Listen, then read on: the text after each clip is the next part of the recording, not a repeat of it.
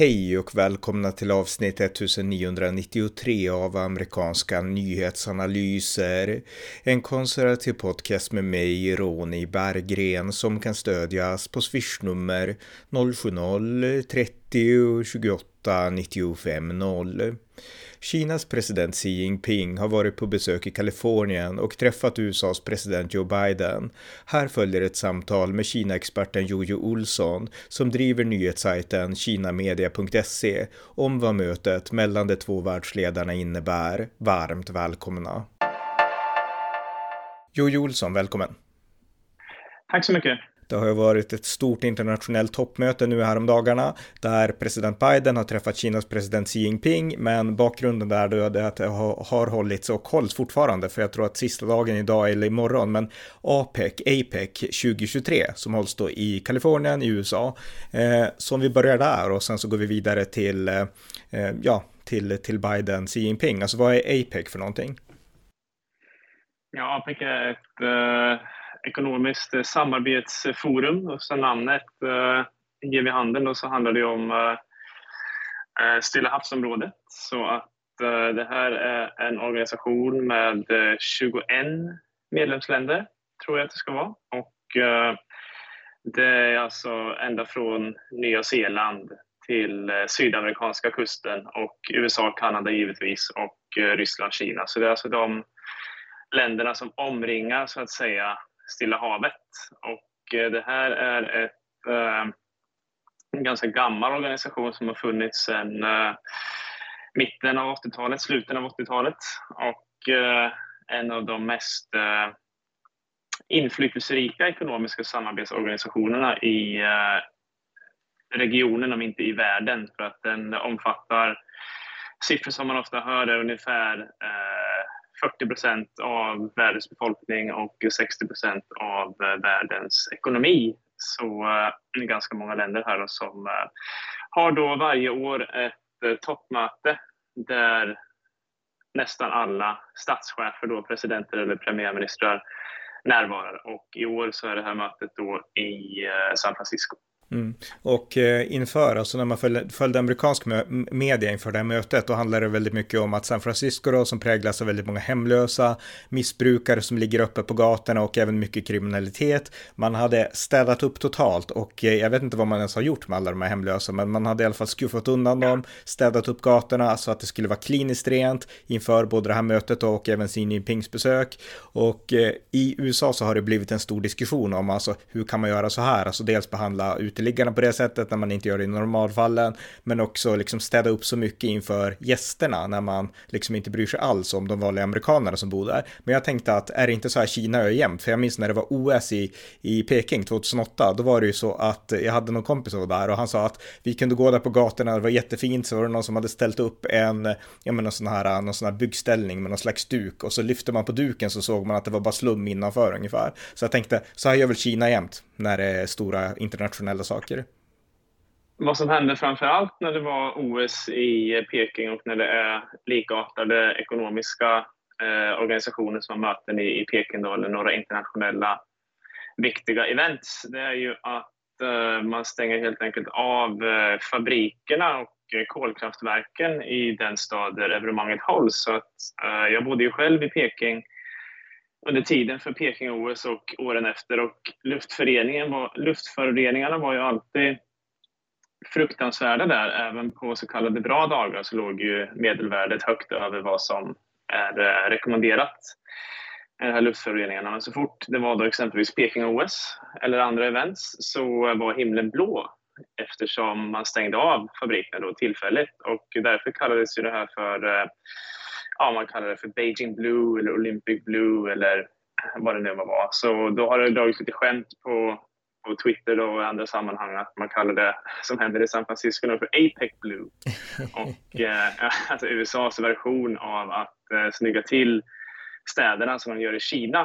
Eh, istället då för att stänga av fabrikerna och ta itu med luftföroreningen så kör man då bort de här eh, hemlösa då istället eh, i, i San Francisco. Och Eh, en annan liten, ja, som jag säger, ironisk detalj är ju att många av de här uteliggarna och hemlösa i San Francisco, de har ju hamnat där de är på grund av att de har missbrukat fentanyl som i sin tur har möjliggjorts av att kinesiska aktörer har smugglat, eller ja, exporterat rättare sagt, de här kemikalierna till karteller i Latinamerika som sedan har smugglat in fentanylen till USA. Så det är alltså många av de här uteliggarna och hemlösa som har hamnat där på grund av droger vars ingredienser kommer från Kina de skufas nu undan när Kinas president kommer att hälsa på. Så det finns en hel del sådana lite ironiska twister i, i här, den här förberedelserna. Verkligen, och det för oss över då till själva huvudgrejen här, för det var ju inte APEC då, utan det var ju mötet då mellan president Biden och Xi Jinping och de möttes i Silicon Valley i San Francisco, utanför San Francisco, och på något slags gammalt eh, gods där tror jag. Och eh, det här mötet mm. var ju väldigt upphypat och pratades mycket om att det här är första mötet på lång tid och eh, liksom ett viktigt möte för att eh, avspänna den här eh, uppspända relationen mellan USA och Kina. Vad hände på det här mötet mellan de här två? Ja, Xi Jinping och Joe Biden har ju bara träffats en gång innan det här. Då, så det här var andra mötet sen, sen Biden blev president. Första mötet var en ganska kort samtal vid sidan av G20-mötet i eh, Bali som var eh, ganska precis för ett år sedan, i november i fjol. Så att under ett helt år så har de då inte träffats och under det här året så har vi haft en hel del spänningar, för att uttrycka det milt, mellan Kina och USA. Eh, några av dina lyssnare minns säkert den här spionballongen som eh, flög över USA i vintras, den kinesiska spionballongen som jag tror att vi pratade om, mm. som eh, USA sen då sköt ner. Och eh, spänningarna över, eh, kring Taiwan har bara trappats upp under det här året. Och dessutom har vi haft eh, en hel rad nya exportkontroller och ekonomiska sanktioner helt enkelt eh, från, som USA-ledda då, mot eh, Kina där man inte vill att Kina ska få tag på den senaste teknologin, eh, de mest avancerade halvledarna och mikrochippen för att Kinas militär inte ska kunna utveckla sig till en eh, nivå som är eh, på samma, ja, samma grad som den amerikanska militären då, helt enkelt. Så att det har varit ett år fullt av eh, spänningar. Och eh, man kan ju säga en annan viktig sak är ju att eh, sedan förra sommaren när Nancy Pelosi, eh, amerikanska representanthusets talman, var på besök på Taiwan, då klippte den kinesiska militären kommunikationen med den amerikanska militären. Och eh, samtidigt har vi sedan dess haft eh, flera tillfällen i, eh, kring Taiwan och Sydkinesiska havet där det varit jättenära en kollision mellan amerikanska och kinesiska militärflygplan och även till havs bara varit tre meter, fem meter fler tillfällen från varandra som de här kinesiska och amerikanska planen har, har flugit. Och om det skulle bli en kollision och de båda militärerna inte har någon kommunikation så riskerar det här att spåra ur då, en slags ond cirkel och leda till en större väpnad konflikt. Och det har man då velat Eh, återupprätta den här kommunikationen, framförallt från amerikanskt håll, medan Kina inte har varit lika pigga på det för att man vill använda det här som en slags eh, ja, men spelkort helt enkelt, spelbricka mot, eh, mot USA. Och man vill dessutom göra USA mer eh, så att säga, osäkert, nervöst på eh, eh situationen kring, eh, kring Taiwan. Eh, och eh, jag tror själv inte att det här mötet hade blivit av mellan Xi Jinping och Joe Biden om det inte vore för APEC.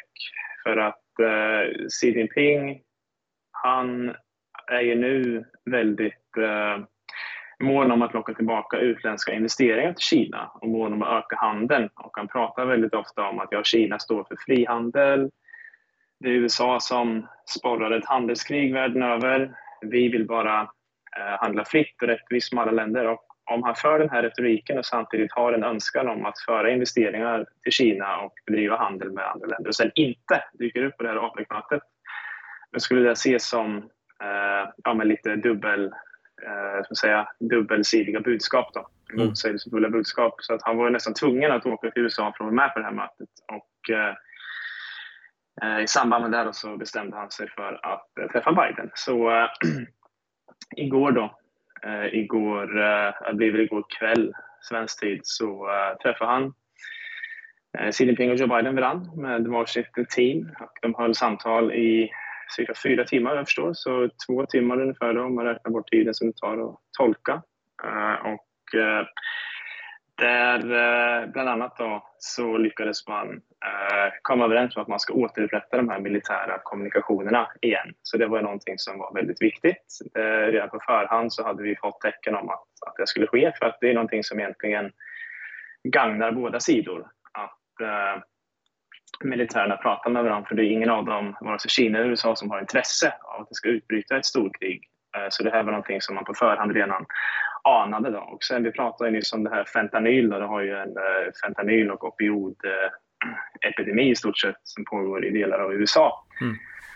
Och det är ju på grund av att de här kartellerna i Mexiko och andra latinamerikanska länder, de får tag på billiga kemikalier från Kina som de sen kan göra fentanyl och opioider av och smuggla in till USA.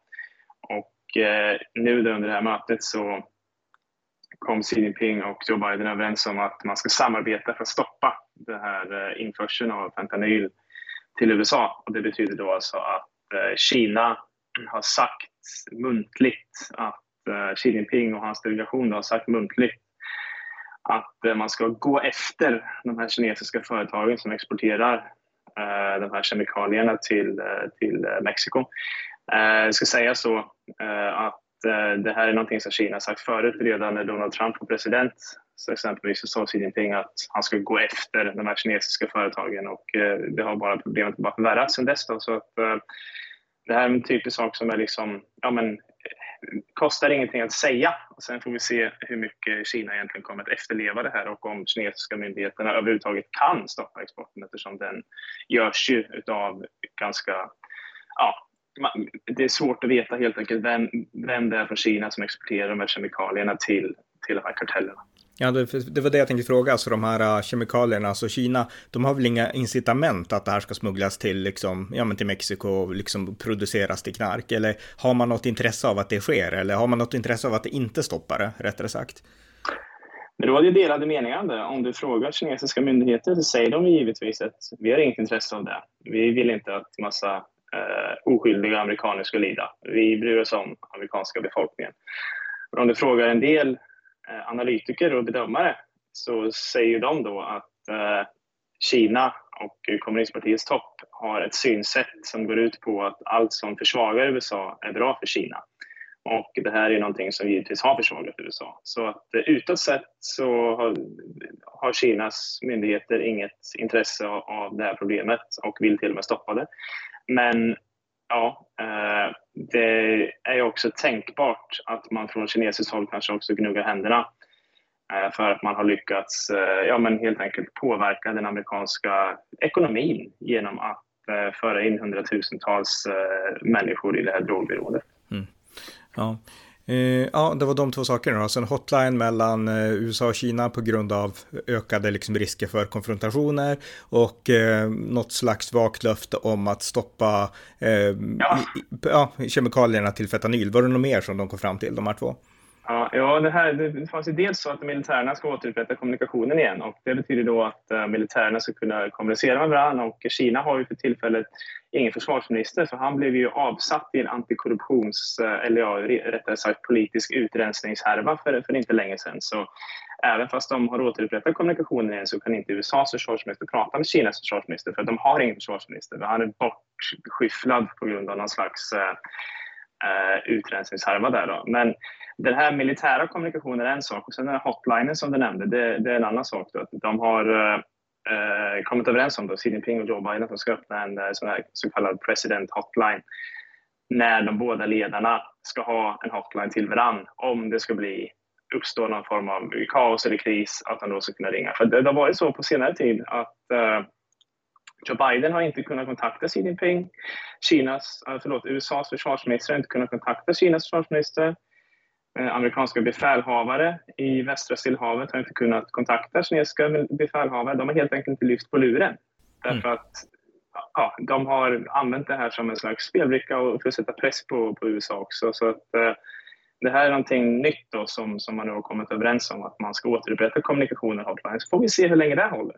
Eh, det finns ju en tendens att, att USA alltid vill ha en öppen kommunikation med Kina medan Kina en medvetna om det här önskan från USA så man försöker använda det här som en slags spelbricka för att dra ut någon form av eh, ja, men, eh, använda det som en slags hävstång mot USA så att man ska få någon slags fördelar för det här. Men då har man försökt i, i över ett år att använda det här som en hävstång mot USA, men USA har ändå liksom inte, inte gett med sig, så då har Kina gått med på att återupprätta den här kommunikationen. Då. Så att, eh, det var ju de sakerna. Sen det här med fentanyl, eh, det får vi se då, hur, eh, huruvida man verkligen kommer agera där från kinesiskt håll. Och sen har man även kommit överens om att man ska börja samarbeta inom artificiell intelligens. Eller ja, rättare sagt eh, samtala, inte samarbeta lika mycket som samtala kanske. Och eh, syftet med att samtala är att man ska försöka se till så att AI då inte används på ett farligt eh, vis eller på ett, eh, ja, på ett vis som eh, helt enkelt, man har talat om att man inte ska använda AI när det kommer till eh, avfyrning av kärnvapen eller långdistansrobotar, att det alltid ska vara en person, en människa, som tar det beslutet. Och eh, därför ska man då samtala om hur man ska kunna reglera det då, så att säga. Och eh, sen har man även pratat om det här med klimatet då igen, att ja, vi eh, förstår och vi eh, medger att vi är på liksom samma sida och vi måste snabba på eh, snabba på de här åtgärderna för att eh, tillsammans tackla klimatkrisen. Men det här är någonting som Kina också ofta använder som en, som en spelbricka. Eh, det var ju inte länge sedan som Kina klippte klimatdialogen med USA också på grund av att Nancy Pelosi besökte Taiwan. Mm. Man har tidigare klippt klimatdialogen för att USA har kritiserat Kinas folkmord av eh, etniska minoriteter i, i Xinjiang. Men nu har man då återigen sagt att man ska samarbeta kring klimatet. Men det här är någonting som man har sagt otaliga gånger tidigare också. Eh, så, så länge det inte kommer någonting konkret på hur man ska samarbeta så är det här eh, någonting som bedömare ja, inser att det, det är liksom bara retorik för att, för att ge det här mötet en, en fin inramning. Mm. Och när det då kommer till frågan om alltså landet där du själv bor, alltså den stora brytfrågan mellan mm. USA och Kina, Taiwan, alltså vad, ja, sades det någonting nytt där? Ja, egentligen inte något nytt och eh, det är ju oroande i sig. Eh, som, som, precis som du sa då, att det är den stor, eh, största konfliktpunkten mellan USA och Kina, det är ju Taiwan. Och eh, det kunde man ju se på Kinas reaktion när Nancy Pelosi besökte Taiwan i fjol, att man klippte militär kommunikation, man klippte klimatsamarbete, äh, klimatsamarbete och, och allting. Och sen dess har ju spänningarna bara ökat och nu har vi ett val som äger rum här på Taiwan, ett presidentval om mindre än två månader. Och när de, Biden och Xi Jinping samtalade om det här då, så uh, ja, på, redan på förhand så var ju förväntningarna lågt ställda att, att man liksom inte skulle bryta någon ny mark då i den här frågan eftersom man är låst i två stycken diametralt annorlunda positioner. Men Xi Jinping han uh, ja, uppmanar ju i alla fall Joe Biden då att sluta sälja vapen till Taiwan och uh, han ville också att Joe Biden skulle öppet avfärda ta avstånd från idén om taiwanes, taiwanesisk självständighet. Och han sa också att eh, USA ska stödja eh, så kallad fredlig återförening. Och sen sa Xi Jinping så här också att ja, vi har i dagsläget inga planer att eh, starta ett krig eller attackera Taiwan. Men den här frågan måste lösas i sinom tid. Och om det här, det här sker så, så är det möjligt att vi använder eh, militära medel ändå. Så han gav lite så dubbla budskap då. Va, och, vad sa Biden om eh, det då? Mm. Ja, Biden svarar ju så att uh, Biden tar ju inte, han, han avfärdar ju inte öppet taiwanesisk självständighet. Han håller kvar vid den här positionen att man inte aktivt stödjer taiwanesisk självständighet. Och det kan ju verka som en liten, en väldigt liten detalj här, men det är ju någonting som är väldigt viktigt för att den amerikanska positionen, den uh, officiella Eh, politiska hållningen sedan 79 har ju varit att man, man stödjer inte aktivt taiwanesisk självständighet men man avfärdar den heller inte utan man vill att taiwaneserna själva ska, ska bestämma. Att folket på Taiwan och Kina själva ska avgöra den här framtiden. Och om man då helt plötsligt skulle säga att nu går vi ut och eh, aktivt försöker förhindra eller motsäger oss taiwanesisk självständighet, då skulle det vara en enorm Eh, förändring, framförallt för regeringen på Taiwan som skulle bli försvagad då inför det här valet. Så där stod ju Biden på sig och sa att eh, det blir inget med det. Och eh, dessutom så uppmanar han i sin tur då Xi Jinping att Kina inte ska försöka påverka eller lägga sig i Taiwans val, då, presidentvalet som är i mitten av januari. Men det har ju Kina redan börjat göra och det kommer man ju sannolikt att fortsätta att göra. Så ja, de garantierna som Xi vill ha från Biden fick han inte och de garantierna som Biden vill ha från Xi fick han inte. Och det var ju liksom väntat på förhand.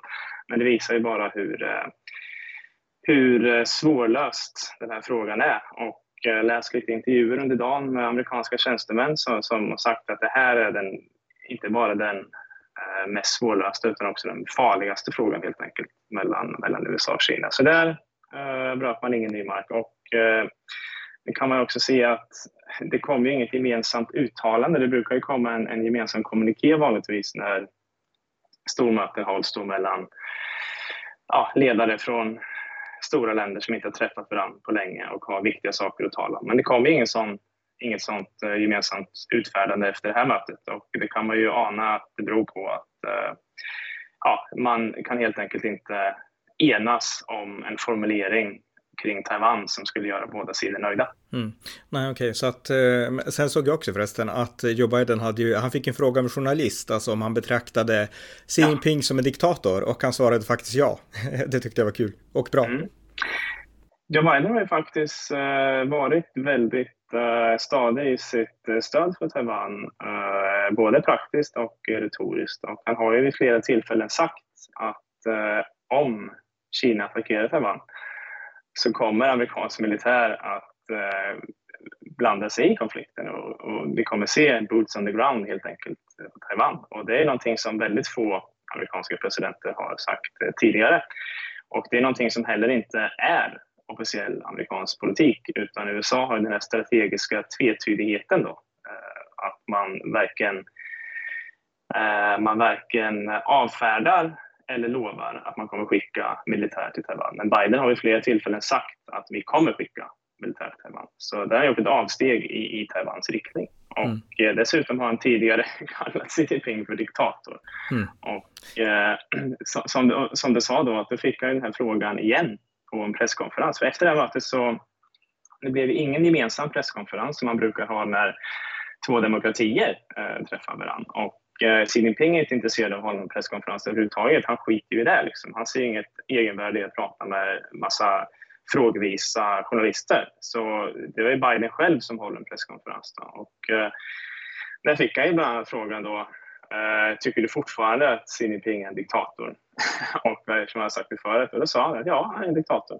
Han styr över ett, ett eh, kommunistiskt system som, som, inte, eh, som inte är som våra. Liksom. Och, eh, ja, vad, det han säger är, är helt korrekt. Och, eh, när han får den frågan så det är klart att han har anat på förhand att man kommer få den frågan. Eh, måste man ju måste man ju anta. Och mm. eh, svaret har han väl också funderat på att om man skulle säga nej, Xi Jinping är ingen diktator. Det, det skulle vara för mycket eh, som jag säger, ge in för, eh, för Kinas eh, krav eller makt. Man vill säga. Så, så framförallt då när vi har ett valår i USA framför oss så vill man inte visa sig svag genom att helt plötsligt säga att Sverige inte är en diktator. Då ska man ju få löpa gatlopp i, i, amerikansk inrikespolitik. Ja. Som en anhängare USA, jag vill bara skjuta in här, så jag menar man blir glad att Biden ändå är, han är för Ukraina, han är för Taiwan och han är för Israel liksom. Alltså på alla de här frontlinjerna nu ute i världen så backar han verkligen upp de här demokratierna.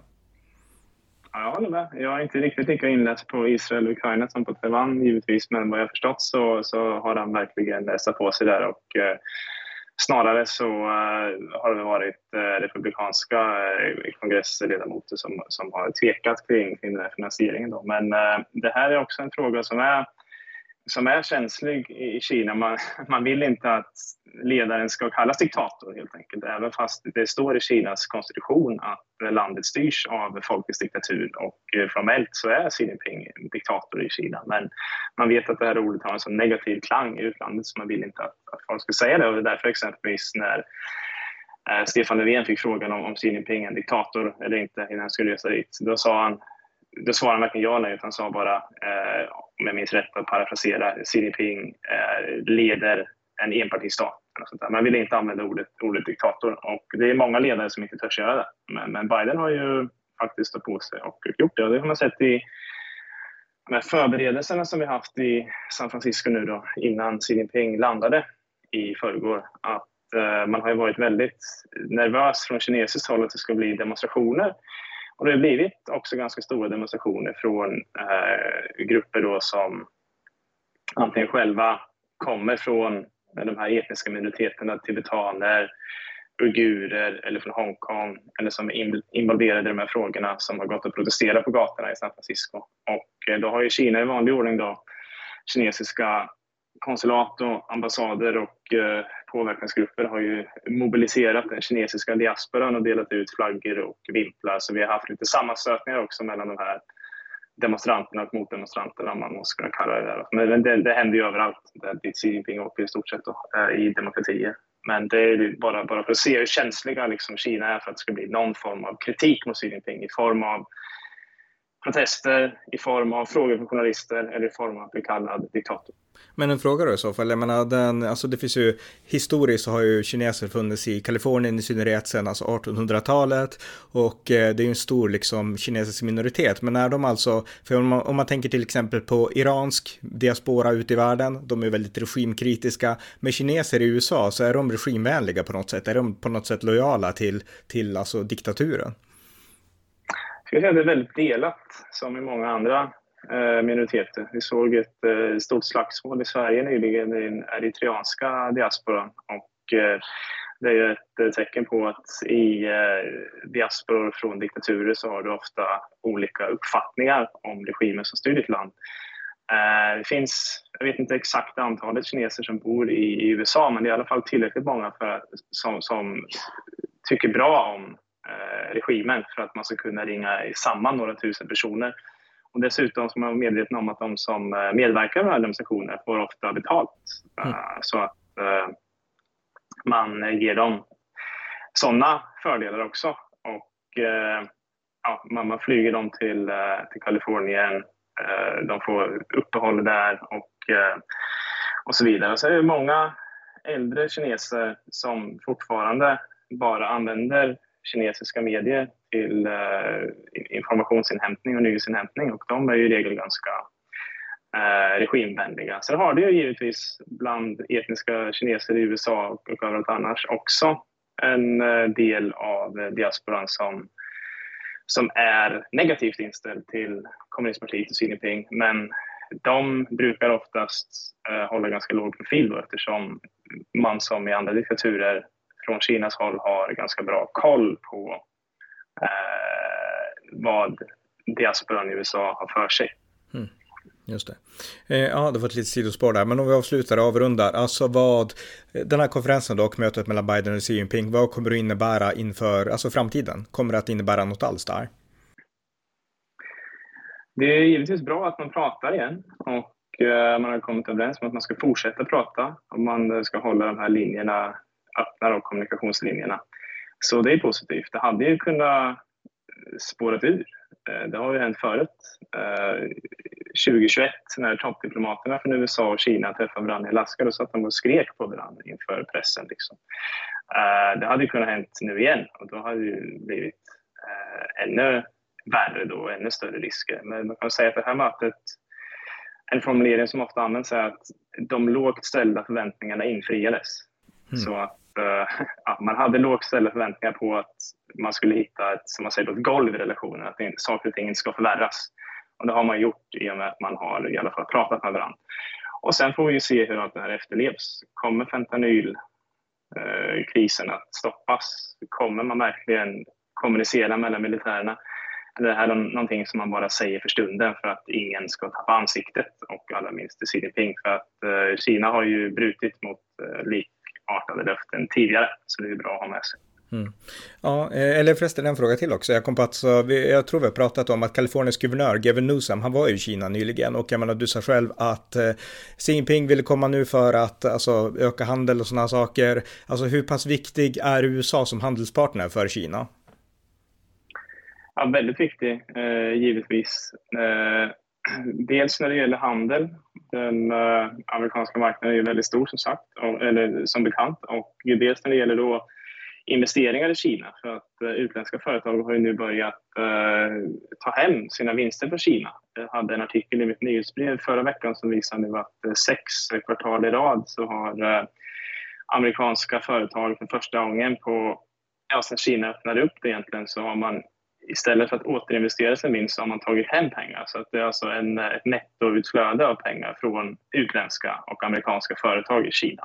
Och man vill ju från kinesiskt håll ha mer investeringar nu i och med att man har hög arbetslöshet och en stagnerande tillväxt. Så det här är väldigt viktigt och sen givetvis så vill man från Kina framförallt att de här sanktionerna och exportrestriktionerna på mikrochip, halvledare och annan teknologi, att USA ska skrota dem Eh, Kina ska få tillgång till all den senaste tekniken. Och då har man ju från kinesiskt håll som en vana i många länder att man använder sin stora ekonomiska makt och flörtar med lokalpolitiker och företag som exempelvis då Apple, exempelvis Kaliforniens eh, lokalpolitiker så att man ger intrycket av att de har mycket att tjäna. Apple har mycket att tjäna på att eh, få fri tillgång till den kinesiska marknaden.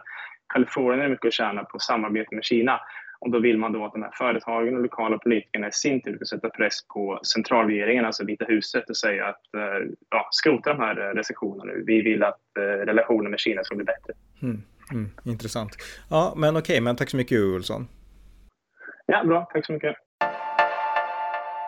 Tack för att ni har lyssnat på amerikanska nyhetsanalyser som kan stödjas på swishnummer 070-30 28 95 0 eller via hemsidan på Paypal, Patreon eller bankkonto. Skänk också gärna en donation till valfri Ukraina-hjälp eller Israelinsamling. Allt gott tills nästa gång.